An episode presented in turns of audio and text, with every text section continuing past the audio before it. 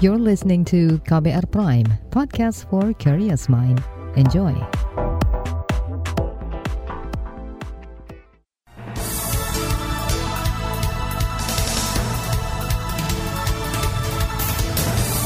Selamat pagi saudara, kembali kami menyapa Anda pagi hari ini dengan sejumlah informasi pilihan di Buletin Pagi. Saya Eka Juli. Dan saya Friska Kalia telah menyiapkan sejumlah informasi terkini. Di antaranya Omnibus Law Cipta Lapangan Kerja berpotensi kebiri hak pekerja. Menko Polhukam sebut dokumen dari Veronica Koman berisi daftar tak jelas. Komnas HAM desak Kejagung usut pelanggaran HAM berat di Paniai, Papua. Inilah selengkapnya Buletin Pagi KBR. Terbaru di Buletin Pagi.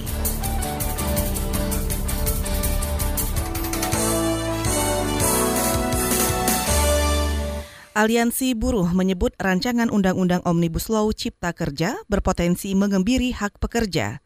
Koordinator Gerakan Serikat Buruh Independen Kokom Komalawati mengatakan, aturan dalam rancangan undang-undang itu terindikasi memberatkan para buruh dan para pencari kerja.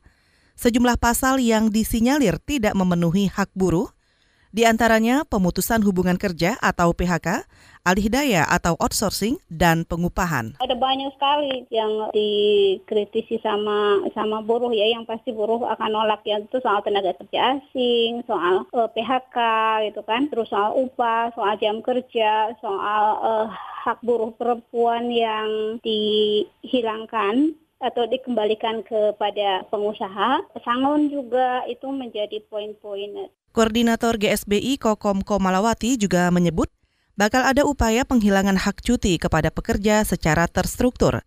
Kata dia, tanpa omnibus law saja, masih banyak perusahaan yang tidak memberikan cuti pada pekerja. Apalagi jika omnibus law disahkan, hak cuti buruh akan terancam.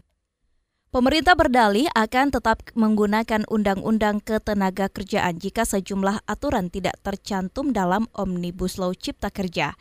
Juru bicara Kementerian Koordinator Bidang Perekonomian I Ketut Hadi Priyatna membantah tudingan bahwa pemerintah menghapus sejumlah aturan mengenai cuti seperti cuti haid, cuti hamil, dan cuti ibadah pola omnibus law itu kan sebenarnya kalau dia tidak diatur di RUU Cipta Kerja, artinya aturan itu tetap berlaku, tidak berubah sama sekali. Itu terkait dengan e, cuti hamil. Jadi itu yang diatur dalam pasal 80 sampai dengan pasal 85 Undang-Undang Ketenagakerjaan itu kan tidak dihapus Artinya dia tetap berlaku. Juru bicara Kementerian Koordinator Bidang Perekonomian I Ketut Hadi Priyatna menegaskan pemerintah tetap mencantumkan aturan outsourcing atau alih daya dalam Omnibus Law.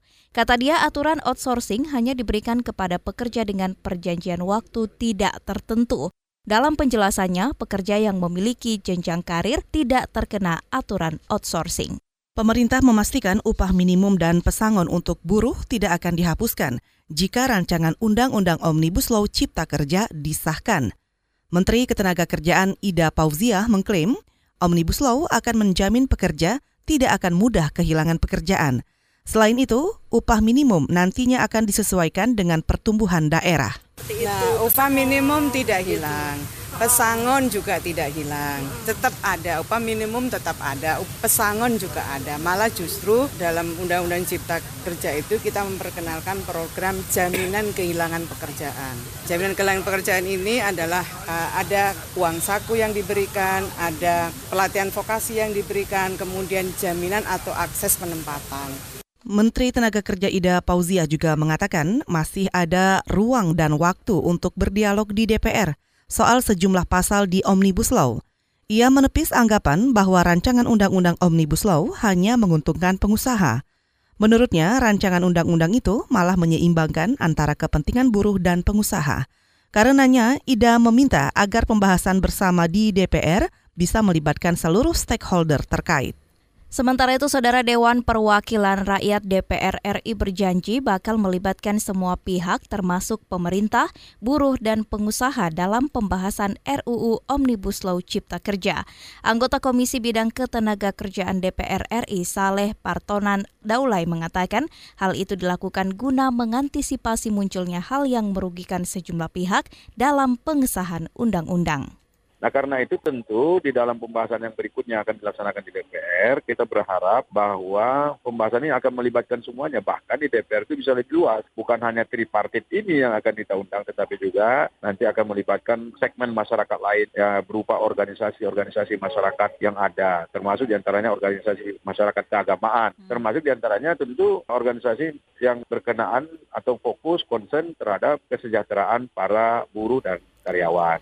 Saudara Saleh Daula Maksud kami Saleh Daulay menegaskan tidak boleh ada satupun aturan dalam omnibus yang justru mengurangi hak buruh. Ia berjanji akan mengkritisi RUU jika dalam pembahasan ditemukan aturan yang merampas serta mengurangi hak buruh. Yayasan Lembaga Bantuan Hukum Indonesia atau YLBHI menyebut Omnibus Law rancangan Undang-Undang Cipta Kerja akan menciptakan perbudakan modern melalui sistem fleksibilitas tenaga kerja.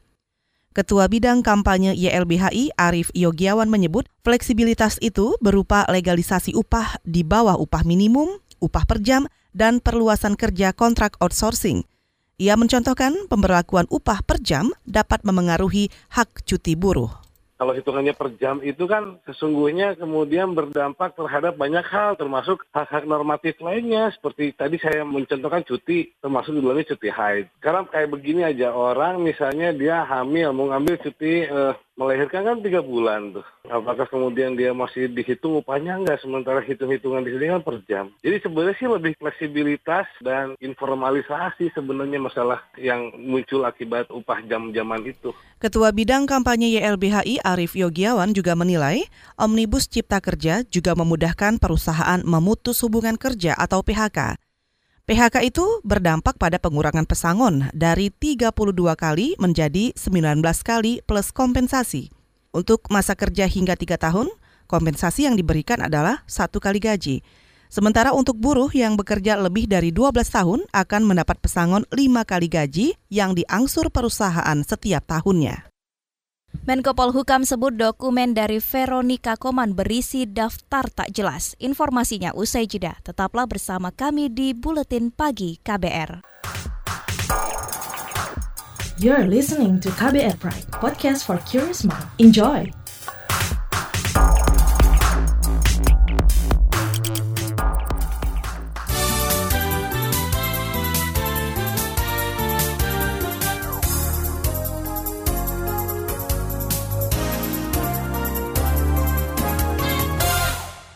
Anda masih bersama kami di Buletin Pagi KBR. Siaran KBR mengudara melalui lebih dari 500 radio jaringan di Nusantara. Anda juga bisa menyimak berita dan podcast kami di kbrprime.id. Saudara Menteri Koordinator Politik Hukum dan Keamanan Mahfud MD mengklaim baru menerima dokumen yang berasal dari aktivis HAM Veronica Koman. Dokumen yang dimaksud berisi daftar tahanan politik Papua dan korban tewas konflik Duga. Menurut Mahfud, dokumen tersebut dititipkan kepada BEM Universitas Indonesia dan diberikan padanya saat menjadi pembicara sebuah diskusi di kampus itu. Itu tidak ada apa-apanya nih ya, dokumennya hanya ini loh. Coba-coba ini. Hanya ini katanya. Lah kalau cuma kayak gini, nih nih, ini daftar nama orang yang tidak jelas. Pasti polisi sudah punya kalau yang kayak gini, tidak usah. Tetapi kita anggap ini sebagai informasi baru. Jadi dia itu nyerahkan kayak gini. Tidak ada tidak lebih dari dua lembar ini dan ini hanya semacam sketsa daftar nama yang juga tidak ada identitasnya, tidak ada apa-apanya. Tidak lebih dari ini. Itu tadi Menko Polhukam Mahfud MD. Sebelumnya pengacara HAM Veronica Koman mengklaim telah menyerahkan dokumen berisi data tahanan politik Papua dan korban tewas konflik duga kepada Presiden Joko Widodo di Australia. Koman juga mendesak Presiden Jokowi mengakhiri krisis politik dan kemanusiaan di bumi Cendrawasih. Namun Mahfud sempat membantah jika pemerintah menerima dokumen itu. Menteri Kesehatan Terawan Agus Putranto menyebut kelangkaan masker di pasaran dipicu kepanikan warga karena mewabahnya virus corona atau COVID-19. Warga terdorong membeli banyak masker sehingga stok menipis dan harganya melonjak tajam. Dipantau dari penjualan dalam jaringan, harga satu box masker isi 50 lembar bisa mencapai 300-an ribu rupiah. Padahal harga normalnya hanya di kisaran 20 ribu rupiah per box. Terawan meminta warga yang sehat tidak perlu memakai masker ketika beraktivitas. Yang pakai itu yang sakit, termasuk kamu pas batuk. Ya, lo iya, kamu pas pilek kan pakai. Yang ti, yang kedua yang pakai adalah yang bekerja di tempat yang risiko tinggi, rumah sakit dengan infeksi, ya tak? Di ICU pun nek di ICU-nya bukan penyakit menular juga tidak pakai mereka. Sama saja mereka hanya cuci tangan atau di kamar operasi. Jadi semua di tempat-tempat yang berisiko baru pakai masker. Yang tidak berisiko, masyarakat sehat ya tidak perlu pakai masker. Menteri Kesehatan Terawan Agus Putranto juga menambahkan, pemerintah tak bisa berbuat banyak untuk mencegah kenaikan harga masker. Menurutnya, penerbitan aturan juga bakal sia-sia lantaran lonjakan harga masker merupakan mekanisme pasar. Beralih ke informasi selanjutnya, kepolisian turun tangan menyelidiki paparan radiasi nuklir di perumahan Batan Indah, Tangerang Selatan. Juru bicara Mabes Polri Asep Adi Saputra mengatakan tim dari Laboratorium Forensik dan Gegana dilibatkan dalam proses penyelidikan. Polisi juga telah berkomunikasi dengan Badan Pengawas Tenaga Nuklir atau Bapeten untuk menggali informasi detail mengenai sisa limbah radioaktif tersebut. Jadi saat ini Badan Pengawasan Tenaga Nuklir bersama-sama dengan pihak kepolisian ya, yang terdiri dari Polda Metro Jaya, kemudian dari Puslapor, Polri, dan juga ada keterlibatan pasukan Gegana Detasmen E yang memiliki kualifikasi KBR, kimia, biologi, dan radioaktif. Juru bicara Mabes Polri Asep Adi Saputra menambahkan, tim Gegana ikut menyelidiki karena memiliki alat untuk mendeteksi kandungan radioaktif. Bekas Direktur Operasi PT Pelindo II, Dana Amin mengklaim tidak mengetahui proses pengadaan krain pada 2010 yang diperkarakan Komisi Pemberantasan Korupsi. Dana beralasan saat menjabat sebagai Direktur Operasi, penanganan kasus itu sudah berjalan dua tahun. Hal tersebut disampaikan Dana usai diperiksa sebagai saksi untuk tersangka bekas Direktur Utama Pelindo II, RJ Lino. Pertanyaan tentang biasa aja, kan saya saksi. Waktu awal proses itu Anda mengetahui ada penunjukan langsung yang ditaruh? Enggak tahu, saya masuknya kan 2000 2012 kan? Kejadian 2010 kan? Uh, Enggak. Kalau Bapak 2000 2012. Nah, ya. yang Jadi udah lewat. mekanisme sendiri kasus ini seperti apa, Pak? Enggak, saya nggak tahu banyak karena saya baru masuk dua tahun setelah anunya ya, setelah prosesnya kan. Itu tadi bekas Direktur Operasi Pelindo II, Dana Amin. Sementara itu, juru bicara KPK Ali Fikri dalam keterangan tertulisnya mengatakan Dana Amin diperiksa terkait proses awal pengadaan krain. Dalam perkara ini, tersangka RJ Lino diduga menyalahgunakan wewenang dengan memerintahkan penunjukan langsung perusahaan asal Tiongkok sebagai pelaksana pengadaan krain. Lino berstatus tersangka sejak 2015 silam dan belum ditahan. KPK mengakui penyidikan terhambat karena ada kendala penghitungan kerugian negara. Saudara Presiden Jokowi memberikan lima catatan kepada jajarannya terkait lima komponen yang perlu ditingkatkan dalam sektor pariwisata. Lima hal pokok yang harus diperbaiki, di antaranya kesehatan, keamanan, infrastruktur, kemudahan data dalam teknologi, dan kebersihan. Menteri Pariwisata dan Ekonomi Kreatif Wisnu Tama mengatakan akan membentuk tim percepatan guna menanggapi permintaan Presiden itu. Uh, ada dua hal, kita membentuk tim kerja, tim akselerasi uh, antara kementerian untuk mempercepat itu tadi berbagai macam hal tadi ya. Hygiene keselamatan keamanan dan lain-lain tadi ya kan? Untuk untuk untuk mempercepat poin-poin tersebut. Yang itu tadi Menpar Keraf Wisnu Tama Kusubandio. Jokowi dalam rapat terbatas terkait peningkatan pariwisata juga menyampaikan tahun ini peringkat Indonesia terkait pariwisata berada di angka 40, naik dua peringkat dalam dua tahun ke belakang. Namun dibanding beberapa negara tetangga, Indonesia masih terbilang kalah jauh dan menduduki peringkat tengah. Selanjutnya kita berolahraga bersama Aika Renata. Sport. Striker Porto yang juga pemain nasional Mali, Musa Marega, keluar lapangan setelah menjadi sasaran nyanyian kera atau rasisme dalam pertandingan Liga Portugal akhir pekan lalu. Pemain berusia 28 tahun itu telah mencetak gol kemenangan pada menit ke-60 bagi Porto melawan bekas klubnya Vitoria Guimares. Pada menit ke-71 Marega memberi tanda ke bangku pemain bahwa ia akan keluar sebagai protes meskipun para rekan setimnya serta pelatih berupaya untuk mempertahankannya di lapangan.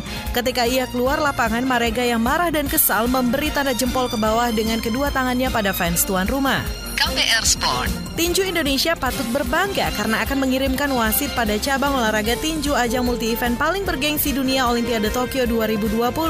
Ia adalah Boy Pohan, hakim tinju pertama Indonesia yang bertugas pada pesta olahraga akbar 4 tahunan dunia itu. Keperjayaan itu diberikan Asosiasi Tinju Amatir Internasional AIBA melihat prestasi Boy saat menjadi wasit pada tes event tinju Olimpiade Tokyo 2020 yang digelar di Tokyo pada Oktober tahun lalu. Selanjutnya kami hadirkan liputan khas KBR Saga tentang masyarakat adat Banyuwangi yang bertahan di tengah modernitas. Tetaplah di Buletin Pagi. You're listening to KBR Pride, podcast for curious mind. Enjoy!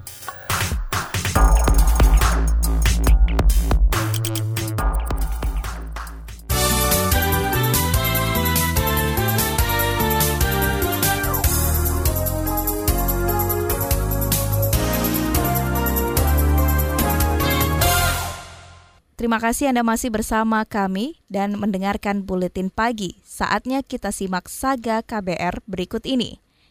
Banyuwangi adalah primadona baru pariwisata Indonesia. Di balik gemerlap industri pariwisata ujung timur Pulau Jawa ini, ada masyarakat adat Using yang masih bertahan di tengah modernitas. Jurnalis KBR Rosi Dewi berkunjung ke Desa Kemiren, Kelamat, Kecamatan Gelagah, tempat masyarakat adat Using bermukim.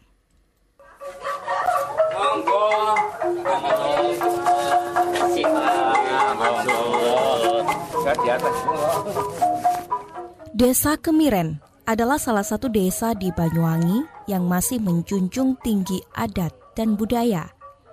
Memasuki desa ini, pengunjung akan disambut nuansa Bali seperti ukiran di sudut rumah serta tiang sesajen di halaman rumah warga. Namun ketika mendengar warga sekitar berbincang mereka menggunakan bahasa Jawa tetapi dengan cengkok yang didominasi huruf Y. Itu adalah bahasa Using.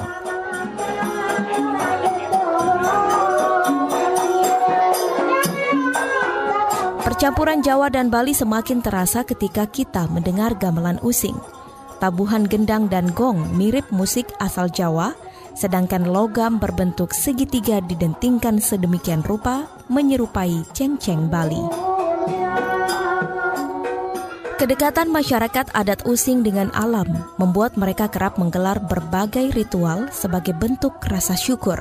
Salah satunya selamatan Prabu Wekasan sebagai bentuk hormat, syukur, dan doa pada air. Tetua adat Using, Adi Purwadi. Oh, karena masyarakat Using identik dengan ritual ya.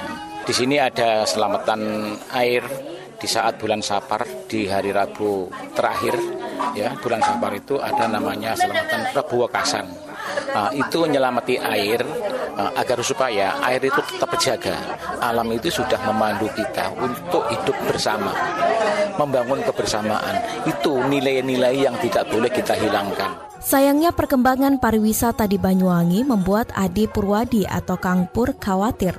Festival yang disandingkan dengan industri wisata rentan menjadikan budaya sebagai komoditas dan tontonan, sementara nilai dan makna budaya tersebut justru dilupakan.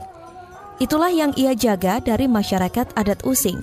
Ia tak ingin pakem dan nilai adat Using hilang tergilas zaman. Gandrung yang saya lestarikan di sini, gandrung yang sudah tidak apa, yang tidak bisa berubah dari pakemnya, itu menjadi sebuah akar dari seni gandrung itu sendiri yang harus tetap kita lestarikan, yang harus kita apa, jaga keutuhannya, nilai-nilainya.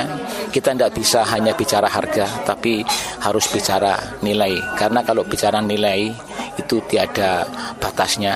Kalau kita bicara harga, tinggal saatnya nanti akan hilang akan tertelan dengan uh, perkembangan.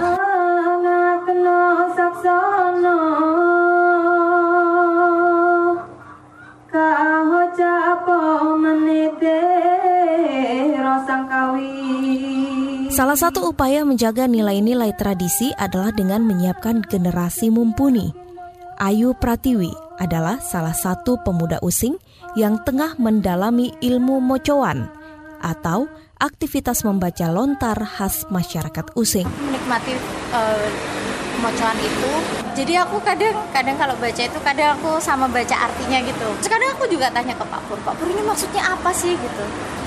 Pengertian globalnya apa sih bahwa ini uh, dari situ aku juga oh aku menjaga tradisiku sendiri. Tradisi yang uh, di kalangan pemuda aku sempat kena ejekan. Mocoan kan identik cowok. Tua waktu aku baca aku cewek. Dan umurku masih muda gitulah ya.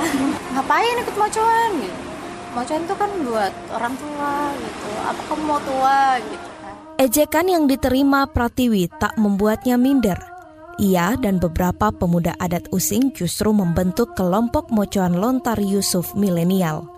Bahkan, tahun ini Kementerian Pendidikan dan Kebudayaan RI menobatkan mocoan lontar Yusuf sebagai warisan budaya tak benda.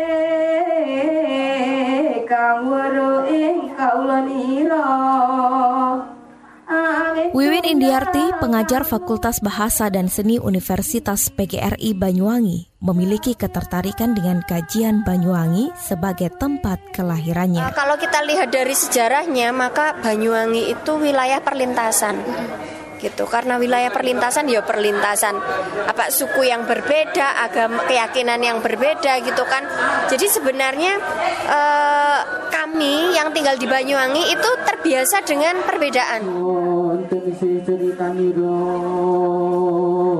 Demikian saga yang disusun jurnalis KBR Rosi Dewi. Saya Friska Kalia. Terima kasih sudah mendengarkan.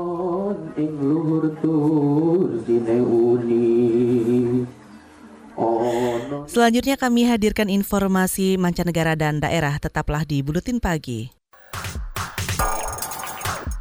You're listening to KBR Pride, podcast for curious mind. Enjoy!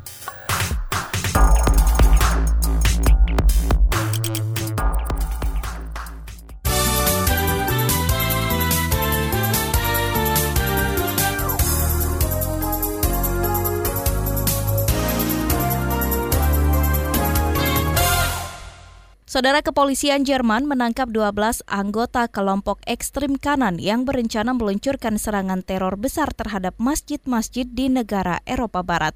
Sejumlah media melaporkan belasan tersangka itu diduga ingin melancarkan penembakan massal di sejumlah masjid saat salat Jumat pekan lalu. Dilansir AFP, pihak berwenang telah mengetahui identitas pemimpin kelompok ekstrim kanan tersebut yang diketahui telah berada dalam radar dan observasi kepolisian selama ini. Pemimpin kelompok itu dikabarkan telah memberikan detail penyerangan saat menggelar pertemuan dengan anggotanya pada pekan lalu. Kita ke informasi daerah. Komnas HAM meminta Kejaksaan Agung untuk mengusut tuntas kasus pelanggaran HAM berat di Kabupaten Paniai, Papua, Desember 2014 silam. Saat itu terjadi kekerasan terhadap penduduk sipil yang mengakibatkan empat orang meninggal. Komnas HAM menyebut kasus Paniai merupakan pelanggaran HAM berat – Komisioner Komnas HAM Hoirul Anam mengatakan kasus Paniai perlu diselesaikan melalui penegakan hukum. Kalau tiba-tiba misalkan ada seorang pejabat ngomong bahwa ini bukan pelanggaran HAM yang berat, itu punya dua dimensi. Dimensi pertama adalah menjadikan penegak hukum di luar Komnas HAM di bawah tekanan. Dan itu buruk dalam konteks negara hukum. Komisioner Komnas HAM Hoirul Anam juga menjelaskan kesimpulan pelanggaran HAM berat kasus Paniai merupakan hasil dari penyelidikan tim ad hoc berdasarkan Undang-Undang tentang Pengadilan HAM. Saudara Forum Kepala Sekolah Swasta Provinsi Jawa Tengah memprotes adanya ketidakadilan pemberian tunjangan terhadap guru swasta yang ada di Jawa Tengah. Koordinator aksi Ahmad Supari menilai pemerintah hanya memikirkan pendidikan sekolah negeri saja serta menghiraukan hak guru yang ada di sekolah swasta. Eh, pendidikan di Jawa Tengah gratis itu manipulatif. Mohon maaf, catat itu. Guru-guru yang tadi yang non non sertifikasi dan honorer juga tidak memperoleh tunjangan apa pun dari Pemprov Jawa Tengah. Dalam protes ini, Koordinator Aksi Ahmad Supari mengungkapkan terdapat beberapa poin tuntutan yang disampaikan kepada pemerintah dan DPRD, di antaranya menolak disparitas BOS di SMA swasta, menolak sistem alur PPDB zonasi, dan penambahan rombongan belajar. Saudara informasi mancanegara dan daerah tadi mengakhiri buletin pagi KBR hari ini. Simak terus informasi terbaru melalui kabar baru situs kbr.id, akun Twitter at berita KBR, dan podcast di kbrprime.id. Saya Eka Juli. Dan saya Friska Kalia, kami undur diri. Salam.